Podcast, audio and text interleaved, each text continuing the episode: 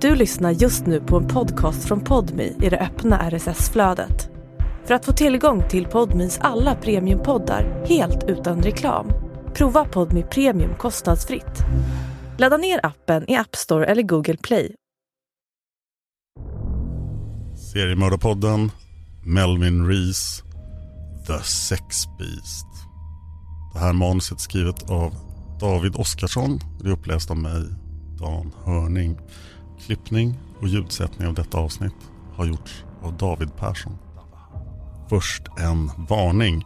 Det här avsnittet kommer innehålla beskrivningar av grovt sexuellt våld, tortyr, mord och skändande av lik. Små barn kommer utsättas för fruktansvärda saker. Så det här avsnittet är lite mer magstarkt än vad seriemördarpodden brukar vara. Och jag vet att många av er just reagerar starkt på våld mot barn. Så lyssna på ett annat avsnitt istället om jag talar till dig nu och du känner dig träffad.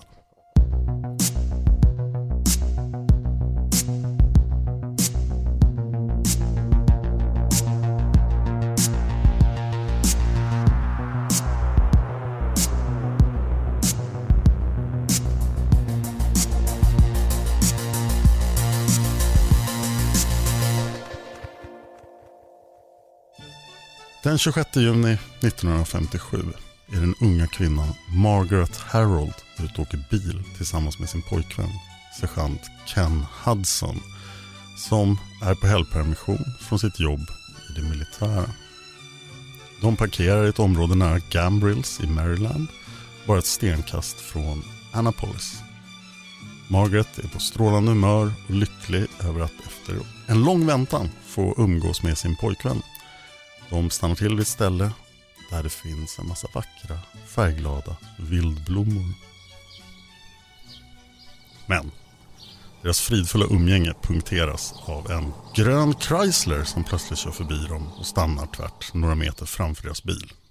Ut kliver en lång man med långt mörkt hår och ett smalt ansikte. Margaret och Ken sitter kvar i sin bil och undrar vad det är som händer. De tänkte att det här kanske var någon som behövde hjälp med en vägbeskrivning. Den långe mannen kommer fram till deras bil, knackar på sidofönstret i förarsätet där Ken sitter. Han gestikulerar att de ska veva ner rutan så att han kan prata med dem. Ken tvekar lite grann och tänker att det här kanske inte är en bra idé, men till slut vevar han ner rutan. Den mystiska mannen frågar, har ni en cigarett? Tyvärr, svarar Ken. Vi röker inte. Ken är i färd med att veva upp rutan igen när han får se att främlingen riktar en pistol mot honom. Ken blir överrumplad och hinner inte reagera innan mannen tagit sig runt bilen och kastat sig in i baksätet. Sen säger mannen Ge hit era pengar. Margaret tittar på Ken och säger Gör det inte. Hon har ingen lust att gå med på främlingens krav. Och det gör honom väldigt arg. Han tar tag i Margarets nackhår och tvingar in sina fingrar i hennes lockar och drar hennes huvud bakåt. Då bestämmer sig Ken för att han måste ingripa. Han vänder sig mot främlingen för att knuffa undan honom. Men just i den stunden mullrar det till. På ett ögonblick har bilens interiör fullkomligt börjat drypa av blod och hjärnsubstans. För främlingen har skjutit Margaret i huvudet. Ken kastar sig instinktivt ut ur bilen. Med kläderna fläckade av sin flickväns blod lägger han benen på ryggen och springer allt vad han kan. Han hör hur främlingen ropar någonting efter honom, men han kan inte tyda orden. Han springer i skräck. Han springer över flera stora fält och stannar till slut vid ett gammalt gårdshus nära väg 609. Och då har han sprungit ungefär en och en halv kilometer. Ken övertalar familjen som bor i huset att genast ringa polisen. Sagt gjort. Några poliser kommer, hämtar upp Ken samtidigt som några andra åker till platsen där han och Margaret stått parkerade. När polisen kommer dit kan de snabbt konstatera att Margaret har avlidit. Hennes kropp ligger framlutad i passagerarsätet och hon har klätts av naken. Och hennes lik har blivit våldtaget. Ken gör sitt bästa för att beskriva främlingens signalement för polisen Normal kroppsbyggnad med lång, slätrakad, långsmalt ansikte med mörkt buskigt hår. Ken bedyrar att det inte hade varit något uppenbart hotfullt i mannens uppsyn men han hade gett intrycket av att vara stressad och stirrig som att han var drogpåverkad. Polisen började genomsöka området kring brottsplatsen. Med lite tur skulle gärningsmannen kunna tappa något när han tagit till flykt. Med ännu mer tur skulle han rent av vara kvar någonstans i närheten. Efter en tid upptäckte polisen en liten byggnad i cement som stod i slutet av en kärrväg på adressen Mount Tabor Road. Det intressanta med den här byggnaden som gjorde att polisen la märke till den var att någon nyligen hade krossat byggnadens källarfönster. Polisen bestämde sig för att undersöka huset lite närmare. När de hade tagit sig in i byggnaden insåg de snabbt att någon hade använt den som ett gömställe. Väggarna i byggnaden var tapetserade med fotografier föreställande döda kvinnor på bårhus. Och mördade och lemlästade kvinnor huvudsakligen. Bland dessa fotografier fanns även bilder av BDSM-pornografi.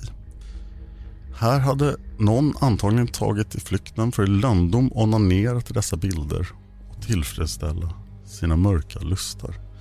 Värt att nämna var att denna sorts pornografi var förbjuden i USA 1957. Bilderna i byggnaden var inte sådana som någon hade kunnat komma över på laglig väg. Ett fotografi stack ut bland andra. Det var nämligen varken ett bårhusfotografi eller pornografiskt.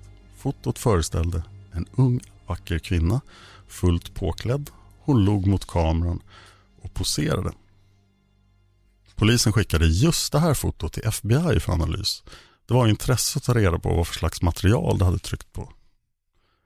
Resultatet visade att fotot var från en katalog med skolfoton och att skolan i fråga antagligen var University of Maryland i Baltimore.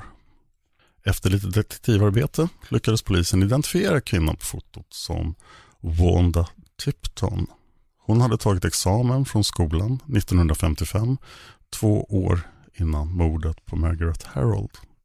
Polisen lyckades få kontakt med Wanda Tipton. Hon kände varken Ken eller Margaret och påstås även inte känna någon som stämde in på Kens beskrivning av gärningsmannen. 1957 var det bara så här långt polisen kom med mordet på Margaret Harold. Den aktuella kriminaltekniken var inte tillräcklig för att gå vidare i utredningen. Åren gick och fallet blev ett kallt fall.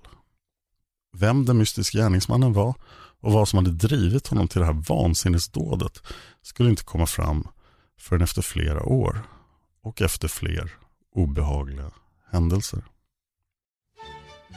Kvällen den 11 januari 1959 var familjen Jackson ute och åkte bil. Familjen bestod av pappa Carol Jackson. Carol är alltså en man.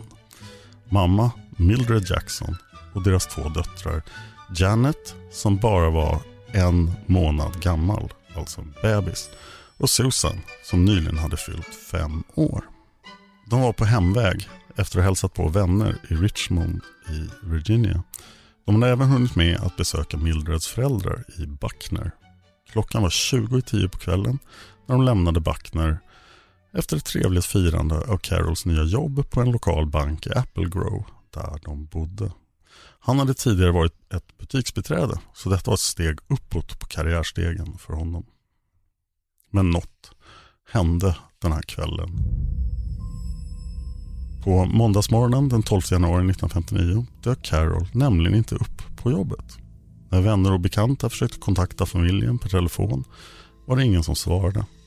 Man åkte till deras hem utan att finna varken familjen eller deras bil där.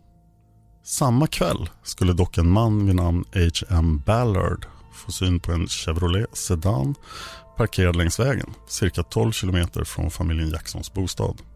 Ballard försåg Mildred Jacksons föräldrar med information om Chevan och de begav sig genast till platsen. Bilen stod där och den var övergiven. De var 100% säkra på att det här var familjen Jacksons bil. Nycklarna satt fortfarande i tändningslåset. Mildreds handväska låg kvar på passagerarsätet. I bilens baksäte låg Janets nappflaskor och Susans dockor. Det verkade som att bilen bara stannat vid vägkanten och att familjen hade klivit ur och försvunnit. Och då kontaktade Mildreds föräldrar polisen. Polisen kom samma kväll till platsen där familjen Jacksons bil stod parkerad. De började söka i det närliggande området men hittade ingenting. Den enda direkta ledtråden var ett par bromsspår från en annan bil precis framför den parkerade kevan. En kvinna som bodde i ett hus knappt en kilometer från platsen berättade för polisen att hon kvällen för familjen Jacksons försvinnande hade hört en del saker. Vid ungefär klockan tio på kvällen hade hon legat i sängen när ett starkt ljus skinit in i hennes fönster. Sen har hon hört smällen från en bildörr som slagits igen och därefter ett par lågmälda röster vars ordväxling hon inte hade kunnat urskilja. Sen hade en bilmotor startats och en bil åkt iväg. Och då hade vittnet somnat om. Nästa dag såg man till att snabbt få ut information i den lokala dagstidningen att familjen var försvunnen. Och det här skulle visa sig ge frukt då det kom in ett ungt par till polisstationen och de hade viktiga saker att berätta. Det här paret var herr och fru Wallrop. De berättade att de, samma kväll som familjen Jackson varit på väg hemåt och försvunnit, hade åkt samma väg tillsammans med sina två barn. Klockan hade då varit halv åtta, några timmar innan familjen Jackson hade lämnat Mildreds föräldrar. Paret Waldrop hade märkt att en man kört en gammal Ford bakom dem och åkt upp väldigt nära med billjusen blinkandes. Mannen i Forden körde om dem och tvärnitade längre fram på vägen. Paret Waldrop tvingades köra åt sidan och själva bromsa för att inte köra på Forden. Medan paret samlade sig efter incidenten och kontrollerade att deras barn var oskadda så steg Fordens ägare ut och började gå mot dem. Keith, alltså mannen i paret Waldrop, hade anat oråd omedelbart. Han hade tyckt sig se hur Fordens förare hade en revolver i ena handen så han backade iväg och såg sen till att åka iväg i ilfart. Den mystiska föraren hade stått där och sett efter dem med en ilsken blick. Polisen frågade Keith hur såg den här mannen ut? Och Keith svarade. Han var lång med långsmalt ansikte, buskiga ögonbryn, mörkt buskigt hår och ovanligt långa armar. Han gick konstigt, som att det var något fel på hans ben eller på hans fötter. Han, han uppträdde hotfullt. Hade vi inte åkt iväg så är jag säker på att han hade skadat oss. Keith avslutade sedan med att försäkra polisen om att han skulle kunna identifiera den här mannen om mannen greps. Det här var förstås intressant. Beskrivningen som Keith Waldrop hade gett stämde väl överens med den som Ken Hudson hade givit av sin flickvän Margaret Harolds baneman. Det skulle dock gå veckor innan det dök upp någonting nytt i fallet med den försvunna familjen Jackson. Under tiden ägnade sig polisen åt bakgrundskontroller. Hade någon i familjen Jackson ett kriminellt förflutet? Fanns det något i deras bakgrund som skulle kunna ge fog för att plötsligt försvinna från jordens yta? Hade de fiender? Men polisen kammade noll. Carol Jackson var en lågmäld och försiktig man som var djupt engagerad i sin baptistkyrka. Han varken drack eller rökte och även hans fru Mildred var en ordentlig renlevnadsmänniska. Paret hade träffats genom baptistkyrkan. Äldsta dottern Susan hade gått i söndagsskola. Enligt tidens normer var familjen Jackson den ultimata kärnfamiljen. Blygsamma, ordentliga och omtyckta av alla. Den 4 mars 1959 var vännerna James Beach och John Scott ute och åkte på en väg i Spotsylvania i Virginia nära ett känt slagfält från amerikanska inbördeskriget. De var på väg till Hatcher Road i Cherry Hill där det fanns ett gammalt övergivet sågverk. Planen var att de skulle samla ihop sågspån där som James Beach skulle kunna ha till rosorna i sin trädgård. Det var svår framkomlighet i Cherry Hill och de två vännerna hade oturen att köra fast med bilen i leran.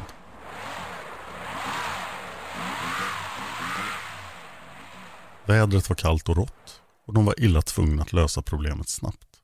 Det var långt ifrån en väg där andra skulle kunna få syn på dem och hjälpa dem. De steg ur bilen och en av dem satt bakom ratten medan andra stod bakom bilen och knuffade på i hopp att de skulle få upp bilen på plan mark igen. Vi fixar några kvistar, sa Scott. Vi kan lägga dem under däcken så att det blir friktion. De traskade iväg och fann ett par torra buskar som skulle passa. Bra, sa Beach. Vi ser till att samla upp så mycket som vi orkar bära. Ah, vad det luktar här, sa plötsligt Scott. Det är nog bara ruttna löv, svarade Beach. Men det var inte ruttna löv. I ett dike, inte en av buskarna de stod vid, låg någonting som såg ut som ett ben. Och det var ett ben från en människa. De två vännerna ställde sig tillsammans vid dikeskanten och tittade ner. De såg nu tydligt en stel, förruttnad människokropp. Halvt täckt av löv, kvistar och sågspån. Det var en man. Hans händer var bundna på framsidan av kroppen med en slips. De insåg snabbt att det här var ingen olyckshändelse. De skyndade sig tillbaka till bilen med sina kvistar och slet som djur för att få upp bilen på planmarken. Till slut lyckades de och då körde de snabbt därifrån och kontaktade polisen. Polisen kom omedelbart dit, till det gamla sågverket på Hatchery Road. Det kalla vädret hade bevarat den döde mannens kropp väl, vilket gjorde den lätt att identifiera.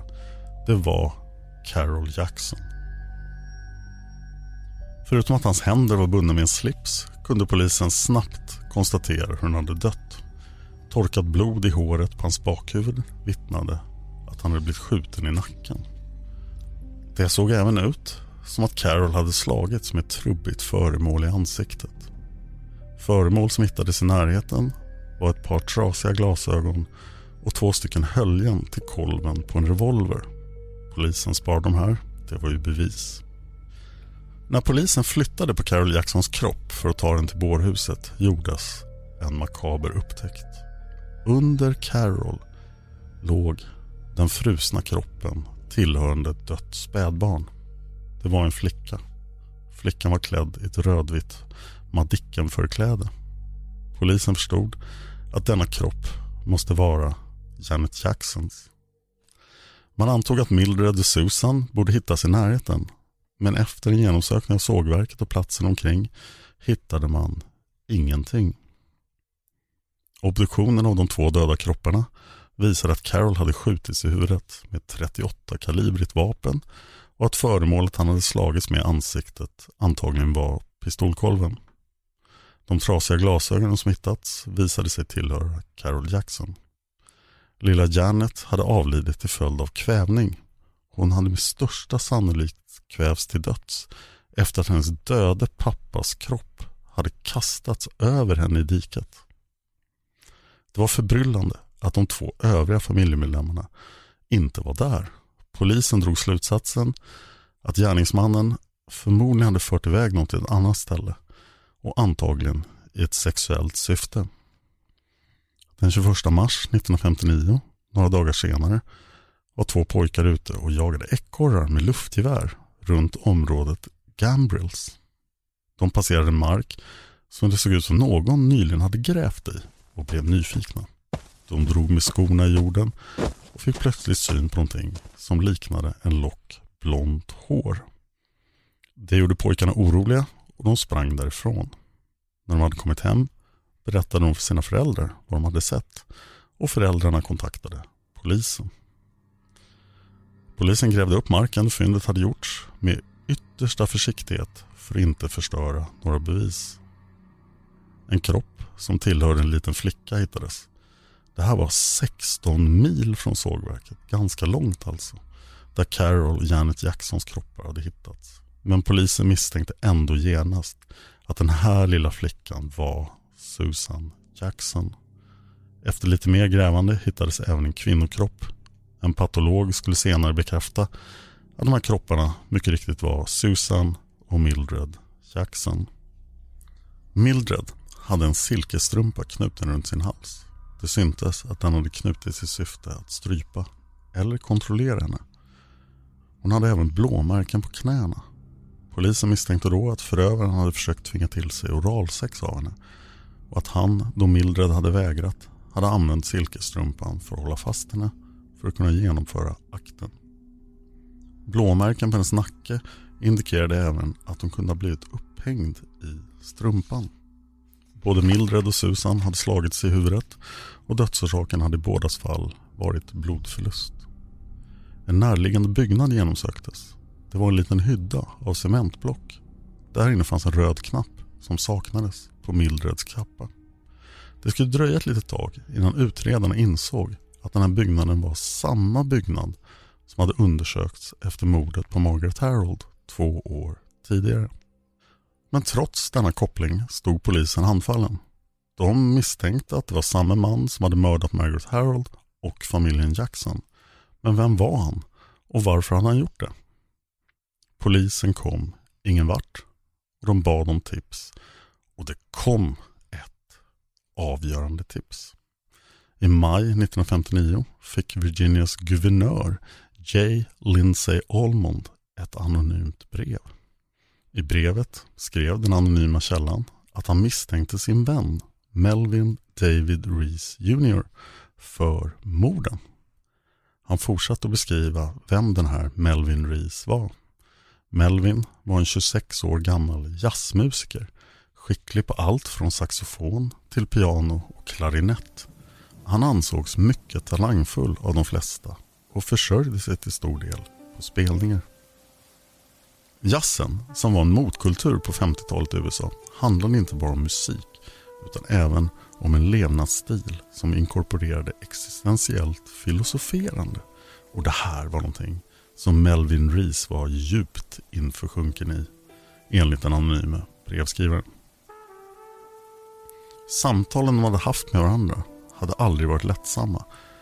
Reese styrde alltid in dem på frågor om livets mening, etik och moral. En av Rees favoritförfattare var Fjodor Dostojevskij. 1866 hade Fjodor Dostojevskij skrivit sin mest berömda bok Brott och straff. I denna kan man läsa om studenten Raskolnikov som av både desperation och filosofisk experimentlusta mördar en gammal pantlånerska och en annan kvinna som bor med henne. I Brott och straff får man djupdyka i Raskolnikovs filosofiska berättigande av de här handlingarna hur han såg sig som en överlägsen person som skapade och utgick från sina egna moraliska sanningar. Det var just idéerna i brott och straff som senare inspirerade den tyske filosofen Friedrich Nietzsche att skriva boken Så talade Zarathustra som utforskar perspektiv på den så kallade övermänniskan och konceptet att Gud är död. Det var ju Nietzsche som sa det som inte dödar härdar.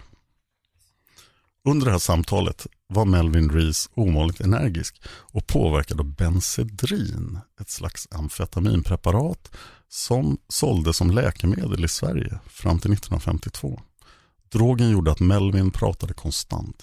Han fortsatte mala på om att han krävde varje intensiv upplevelse livet hade att erbjuda honom. Han ville uppleva allt från kärlek till mord. Och detta samtal ska enligt brevskrivaren ha skett dagen innan familjen Jackson försvann. Brevskrivaren fortsatte berätta hur han några dagar senare hade konfronterat Melvin Reese och frågat honom om han visste någonting om familjen Jacksons försvinnande. Melvin hade svarat undvikande. Han hade varken bekräftat eller förnekat någonting. Brevskrivaren nämnde sedan att han även misstänkte Melvin för att ha mördat Margaret Harold då Melvin ibland hade arbetat som försäljare framförallt i Gambrillsområdet där Margaret och hennes pojkvän Ken hade blivit attackerade. Han berättade även att Melvin Reese vid ett tillfälle hade gripits för att ha försökt slita in en 36-årig kvinna i sin bil. Hon hade anmält det till polisen men senare dragit tillbaka anklagelserna och det hade aldrig gått till åtal.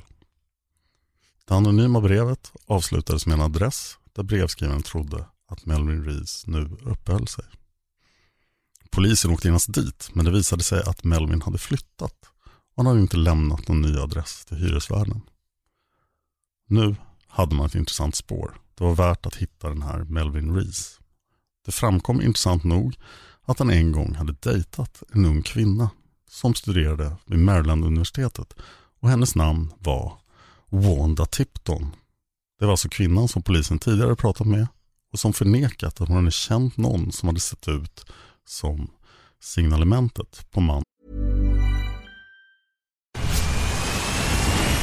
Where's that dust coming from? Still finding debris after vacuuming? Eufy X10 Pro Omni Robot Vacuum has 8,000 PA of powerful suction to remove debris deep in carpets. And it's totally hands free. Want to know more? Go to eufy.com. That's EUFY.com and discover X10 Pro Omni, the best in class all in one robot vacuum for only $799. mannen som mördade Margaret Harold. Saken var dock den att polisen nu hade fått se fotografier på Melvin och signalementen som Margarets pojkvän Ken och paret Weldrop hade uppgivit överensstämde med Melvins utseende på ett nästan kusligt sätt. Polisen sökte upp Wanda Tipton och förhörde henne. Nu erkände hon med märkbar motvilja att hon hade varit tillsammans med Melvin Rees medan hon studerade. Anledningen till att hon inte hade velat säga någonting om det tidigare var att Melvin var gift och Wanda hade inte velat orsaka honom eller hans fru några problem. Wanda gjorde polisen besviken när hon berättade att hon inte hade någon aning om var Melvin Reese höll hus för tillfället. Men de kunde i alla fall senare bekräfta att Melvin mycket riktigt hade varit gift och att han till och med hade en son. Äktenskapet hade inte blivit långvarigt och hade upplösts innan Melvin själv hade börjat studera. Melvin hade även ett förflutet i det militära. Han hade tjänstgjort i USAs flygvapen. Militären kunde inte heller hjälpa utredningen med någon adress till Melvin Reese. Polisen fick nu hjälp av FBI. Det här var ett fall som FBI nu engagerade sig i eftersom familjen Jackson hade förts över en delstatsgräns. De hade tagits från Maryland till Virginia. Nu var det här ett federalt brott och någonting som angick FBI. Polisen fortsatte leta efter Melvin och riktade nu in sig på att gå igenom olika jazzklubbar där han hade spelat. Men trots att flera mycket väl visste vem Melvin Reese var och hade haft med honom att göra så fanns det ingen som visste var han befann sig nu. En bandledare som hade spelat med Melvin uppgav följande citat. Han verkar vara konstant påverkad. Han var en missbrukare. Jag tyckte alltid att han verkade hög och sjuk. Spåret kallnade. Det fanns ingen ny information. Melvin Reese hade gått upp i rök. Frustrerade skulle polisen nu i ett sista desperat försök göra någonting som idag kan ses som lite konstigt men som var mindre ovanligt än man skulle kunna tro på 50-talet. Polisen tog hjälp av ett medium. De hittade den beryktade Peter Herkos som bedrev sin verksamhet i Las Vegas. Herkos kom ursprungligen från Nederländerna där han 1941 hade ramlat från en stege och slagit i huvudet. Efter det hade han upptäckt hur han hade fått ett extra sinne och nu kunde han se både bakåt och framåt i tiden i människors liv endast med hjälp av att röra vid saker som de hade ägt. Herkos hade assisterat polisen framgångsrikt flera gånger tidigare. Om det var för att han själv bedrev gediget polisarbete i skepnaden av synska förmågor kan vara en fråga som är värd att ställa sig. Herkos kom till Virginia i juni 1960 och togs till Jacksons familjens gemensamma gravplats. Han fick även se och känna på kläder som hade tillhört familjen. Och efter att ha gjort det så kunde Peter Herkos berätta var kropparna hade legat och hur de hade varit placerade när de hade hittats. Och Peter Herkos hade rätt utan att polisen hade berättat det här för honom innan. Herkos beskrev även mördarens utseende på följande vis. Mördaren är över 180 cm lång, vänsterhänt, han har en tatuering på ena armen, han har längre armar än normalt, han går som en anka och han har hållning som en apa. Och det här stämde väldigt väl med signalementet. Bortsett från tatueringen. Där hade Herkos fel. Herkos tog till platsen där Margaret Harold hade mördats. Han hittade en bit av hennes kjol som satt fast i taggarna på en buske som polisen hade missat och det var ju lite pinsamt för dem. Herkos konstaterade i vilket fall med hjälp av sina psykiska krafter att samme man hade mördat Jackson-familjen och Margaret. Hercos mystiska krafter gjorde även att han kunde rita en teckning av den förmodade mördarens hus och kort därefter hade han lett polisen till detta hus. Den hade ritat var ett litet isolerat hus ute i skogen med en kartong böcker och en trasig stol på verandan. Polisen var mållös. Kunde verkligen det stämma? Huset de hade kommit till tillhörde en man som de tidigare hade misstänkt i fallet. Det var en 34 år gammal sopgubbe från Falls Church. När polisen konfronterade sopgubben erkände han morden omedelbart. Hercos skulle även ha hittat en ID-bricka tillhörande mannen alldeles i närheten av den gamla övergivna byggnaden som hade varit tapetserad med pornografiska bilder. För många stod det nu bortom allt rimligt tvivel att rätt man var gripen. Sopgubben var gärningsmannen. Men det dröjde inte länge innan det kom fram att sopgubben hade avlagt ett falskt erkännande. Efter ett antal psykiatriska tester visade det sig att sopgubben inte var vid sina sinnens fulla vätskor och han blev inlagd på en psykiatrisk klinik. Polisen var tillbaka på ruta ett och moralen är att det fungerar inte så bra att lösa brott med hjälp av medium.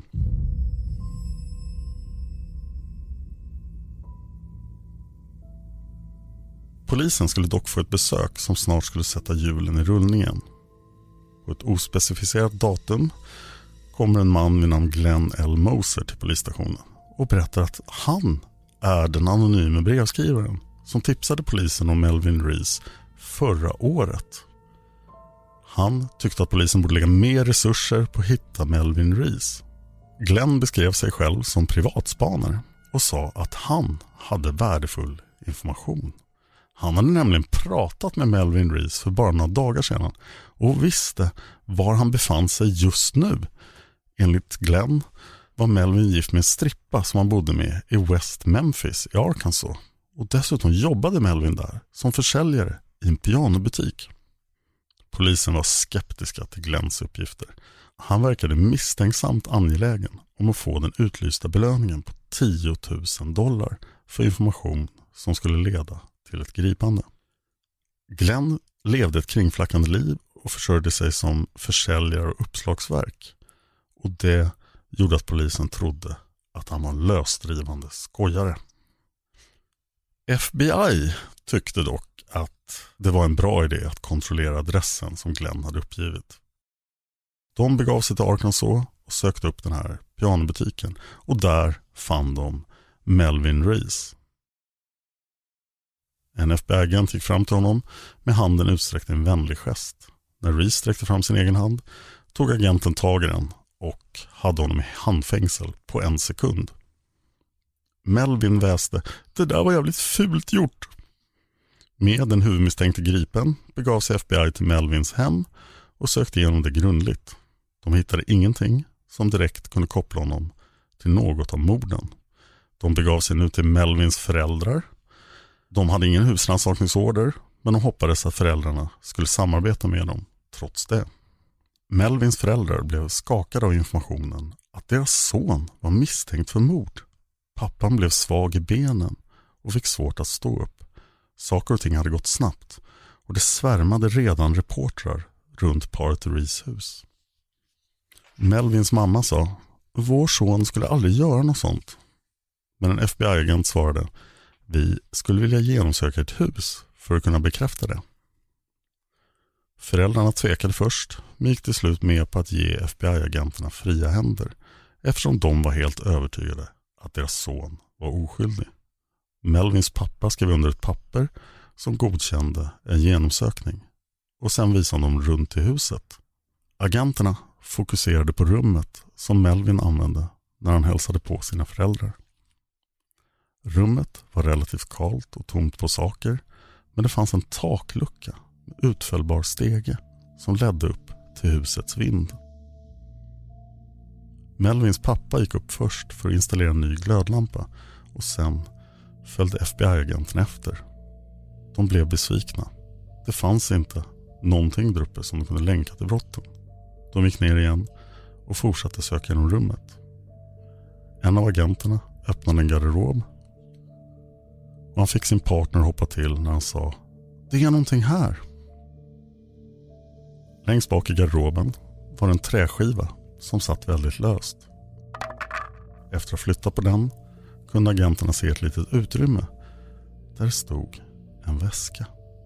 Melvins pappa berättade att han själv hade skapat det utrymmet för allmän förvaring av olika saker. En av agenterna sträckte in armen i utrymmet och drog ut väskan. Väskan var ingen vanlig väska. Det var ett dragspelsfodral. Fodralet var försett med en liten bricka och där stod texten Dennis G. Verber, Washington DC. I dragspelsfodralet låg en 38 kalibrig Colt Cobra revolver med tillhörande hölster. Tillsammans med vapnet fanns en bunt papper med handskriven text och obscena teckningar.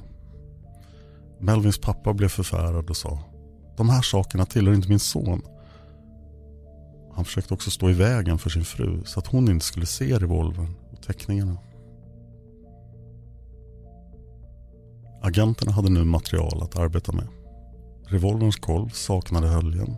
Höljen av det slaget som hade hittats på platsen där Carol Jacksons trasiga glasögon hade hittats. Den handskrivna texten beskrev sexuellt sadistiska gärningar. Bland de handskrivna anteckningarna fanns också urklipp från tidningar. Dessa omsorgsfullt urklippta bilder föreställde fotomodeller som någon för hand hade ritat dit munkavlar och rep på. Ett av dessa urklipp stack ut. Det var från en artikel om familjen Jacksons försvinnande med en tillhörande bild på mamman i familjen, alltså Mildred Jackson. Hon hade fått en munkavel tecknad över ansiktet. På det här tidningsurklippet satte fast en handskriven anteckning med ett gen. Anteckningen beskrev hur en man och en bebis hade dödats på en ödslig väg. Anteckningen avslutades med orden Nu var mamman och dottern bara mina. En handstilsexpert kunde senare konstatera att samtliga anteckningar var skrivna av Melvin Reese. Agenterna hörde av sig till Dennis Verber, alltså mannen vars namn stod på dragspelsfodralet. Dennis berättade att han hade sålt fodralet till Melvin Reese några år tidigare. FBI hade nu Melvins indirekta erkännande i form av hans privata anteckningar. I dem stod bland annat att läsa hur han dragit ut på mördandet av Mildred så gott han kunnat med både strypning och hängning samtidigt som han tvingat henne att utföra sexuella handlingar. Så här stod det bland annat. Sen band jag henne och försåg henne med munkavel. Jag ledde henne till avrättningsplatsen och jag hängde henne. Jag var hennes mästare och herre. Melvin Rees anteckningar har aldrig offentliggjorts i sin helhet. När Ken Hudson, den mördade Margarets pojkvän, kallades in för att identifiera Melvin så gjorde han det utan problem. Han sa att med 100% säkerhet var Melvin mannen som hade attackerat honom och Margaret. Även paret Waldrop identifierade Melvin Rees omedelbart.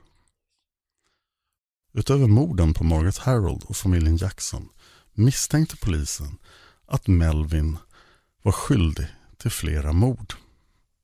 Och dessa var som följer.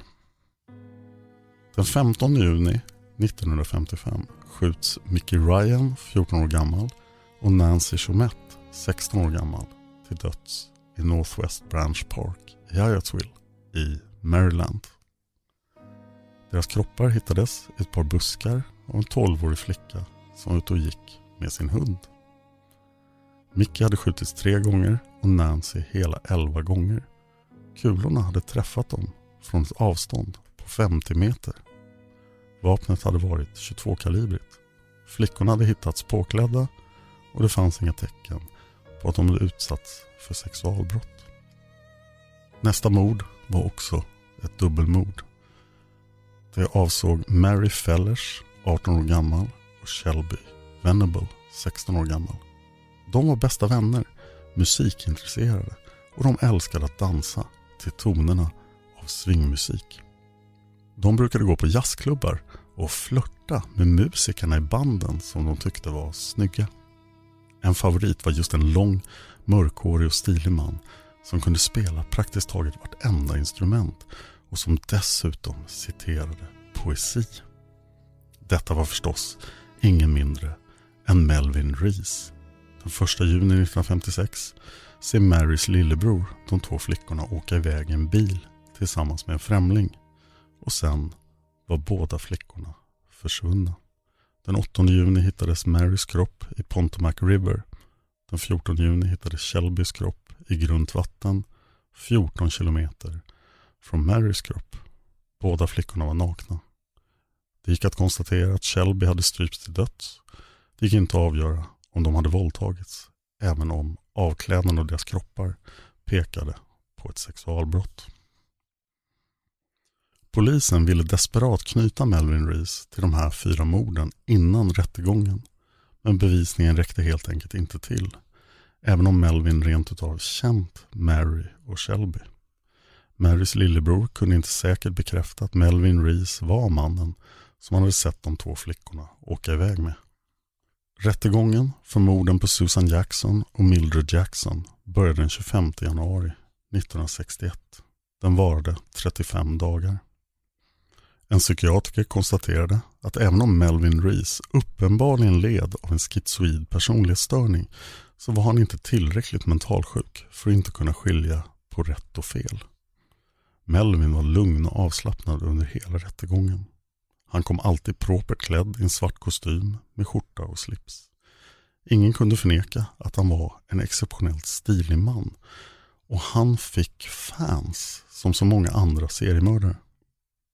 Tidningarna skrev på för fullt om den sexuellt perverse jazzmusikern som hade börjat mörda och döpte honom till The Sex Beast. Den 23 februari dömdes Melvin Reese till två livstidsdomar. Han hade inte erkänt något brott överhuvudtaget. En andra rättegång för mordet på Carol Jackson inleddes i Spotsylvania i Virginia den 19 september 1961. Trots advokaternas enträgna försök att peka ut Glenn Moser, den anonyme tipsaren, som den verkliga mördaren var åklagarens bevisning alldeles för stark. Rättegången varade i bara nio dagar och den 28 september dömdes Melvin Rees till döden. Det gjordes en överklagan men den förändrade inte någonting. Melvin satt nu bakom lås och bom i väntan på att avrättas. Melvins personlighet förändrades under hans tid i fängelset.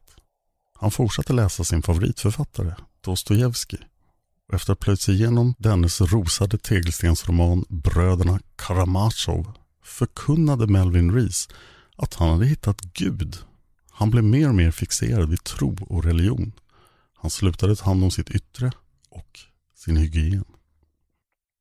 I juli 1966, under en överklagan, sa Melvin att han var trött på allt och inte längre ville överklaga sin dödsdom. Melvin sa jag lämnar det i händerna på Jesus Kristus, min enda beskyddare. Det blev allt svårare för advokater och andra att ha med Melvin att göra. Han ville bara diskutera Bibeln och han verkade helt likgiltig inför sin egen avrättning. I olika samtal brukade Melvin alternera mellan att skratta hysteriskt och gråta. Det gjordes en ny psykiatrisk utredning av honom och det konstaterades att han inte var vid samma psykiska hälsa som han hade varit vid de två rättegångarna. Psykiatrikerna menar att Melvin var psykotisk och därför inte var i stånd att tacka nej till sin rätt att överklaga. Melvin odlade ett långt skägg och ville inte längre bära kläder. Han bad dem bara om han tvingades till det. Under flera rättsliga processer rörande Melvins psykiska hälsa de kommande åren så var han barfota. Han såg inte längre ut som den stilige kostymklädde jazzmusikern och hans underkäke hängde alltid slappt. 1972 drogs alla dödsdomar in av USAs högsta domstol då det var dags att utvärdera dödsstraffets grundlagsenlighet. Melvin fick dock inte sitt dödsstraff formellt omvandlat till livstidsfängelse, även om det var vad som i praktiken hände. 1985 var Melvin Rees 56 år gammal. 1976-83 hade han ansökt om villkorlig frigivning, men han hade fått avslag. Melvin hade nu skägg som räckte ner till midjan. Hans hår var långt och han hade inte så många tänder kvar i munnen. Och det här året, 1985, gjorde journalisten Bill McElway en intervju med Melvin och den blev lite speciell. För första gången sedan han hade gripits 1960 öppnade Melvin upp sig. Det hade alltså dröjt 25 år innan Melvin Reese bestämde sig för att prata. Melvin erkände morden på Mary Fellers och Shelby Venables. Han skyllde på droger. Han hade vid tidpunkten för dessa mord använt sig av amfetamin i hela tio år. Med andra ord hade han börjat redan i tonåren. Morden på de här två tonårsflickorna hade varit hans första mord. Melvin berättade att amfetaminet även hade spelat en stor roll i morden på medlemmarna i familjen Jackson. Han hade vid tiden för morden varit vaken i hela fem dygn tack vare amfetamin. Han mindes specifikt hur han, efter att ha dödat Susan Jackson, vänt sig upp mot himlen och skrikit Låt blixten slå ner i mig då om jag gör fel. Men ingenting hade hänt. Ingen högre makt hade stoppat honom. Han berättade vidare hur familjen Jackson hade trott att han var en polis när han hade stoppat dem. När han dödade Carol Jackson hade han inte ens tänkt på att Carol hade hållit sin dotter Janet i sina bundna händer. Att hon hade kvävts under sin pappas döda kropp var alltså ingenting Melvin hade räknat med. Det enda han brydde sig om då var att få vara själv med mamma Mildred. Efter att ha dödat Carol hade han stoppat lilla Susan i sin bils bagagelucka, placerat mamma Mildred i passagerarsätet och kört iväg. När han hade kommit fram till sitt gömställe, den övergivna cementbyggnaden, hade han tagit in Mildred och våldtagit henne. Melvin hade försökt hänga Mildred, men nylonstrumpan som han hade använt sig av gav vika för Mildreds vikt. Melvin berättade att Mildred verkade ha varit förlikad med sin död. Hon gjorde ingen motstånd och det verkade ibland som att hon bad till Gud. När han hade strypt Mildred till döds hade han gått tillbaka till bilen för att hämta en spade. Han insåg då att han helt och hållet hade glömt bort femåringen i bagageluckan. Det var väldigt kallt i bilen. När han öppnade bagageluckan hade Susan klättrat ur, yr, ledsen och förvirrad. Hon hade börjat skrika efter sina föräldrar. Melvin hade då plockat upp en träplanka och krossat hennes huvud. Han begravde sedan både mor och dotter. Melvin fortsatte intervjun med att beklaga sig över att han aldrig hade uppnått sina drömmar. Trots att han var en framgångsrik musiker med goda vitsord från alla möjliga håll så hade han allra helst velat spela med en stor swingorkester men det blev aldrig av och det plågade honom och det var anledningen till att han hade börjat använda mer och mer droger. McElway, journalisten, hade frågat Melvin Ångrar du dina brott? Och Melvin hade svarat Jag har blivit förlåten för mina brott.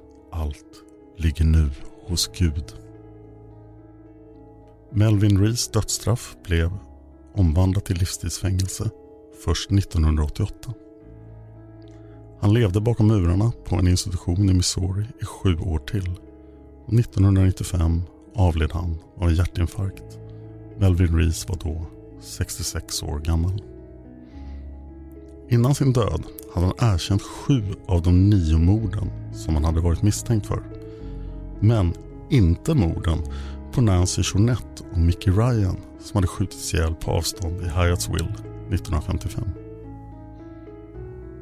1996 skulle änkan till en man vid namn Edward Dobeck gå ut med att hennes make hade erkänt de här morden på sin dödsbädd. Motivet var att flickorna hade förnärmat Edward. Det finns inga uppgifter om på vilket sätt. Men informationen som änkan kunde ge polisen var tillräckligt för att polisen skulle benämna fallet uppklarat och arkivera det.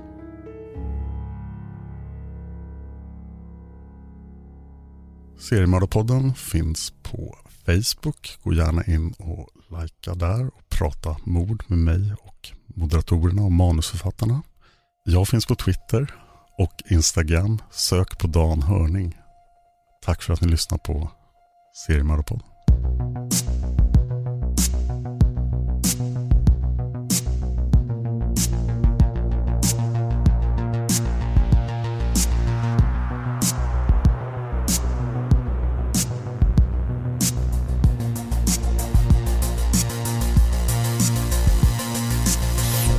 of I Like Radio. I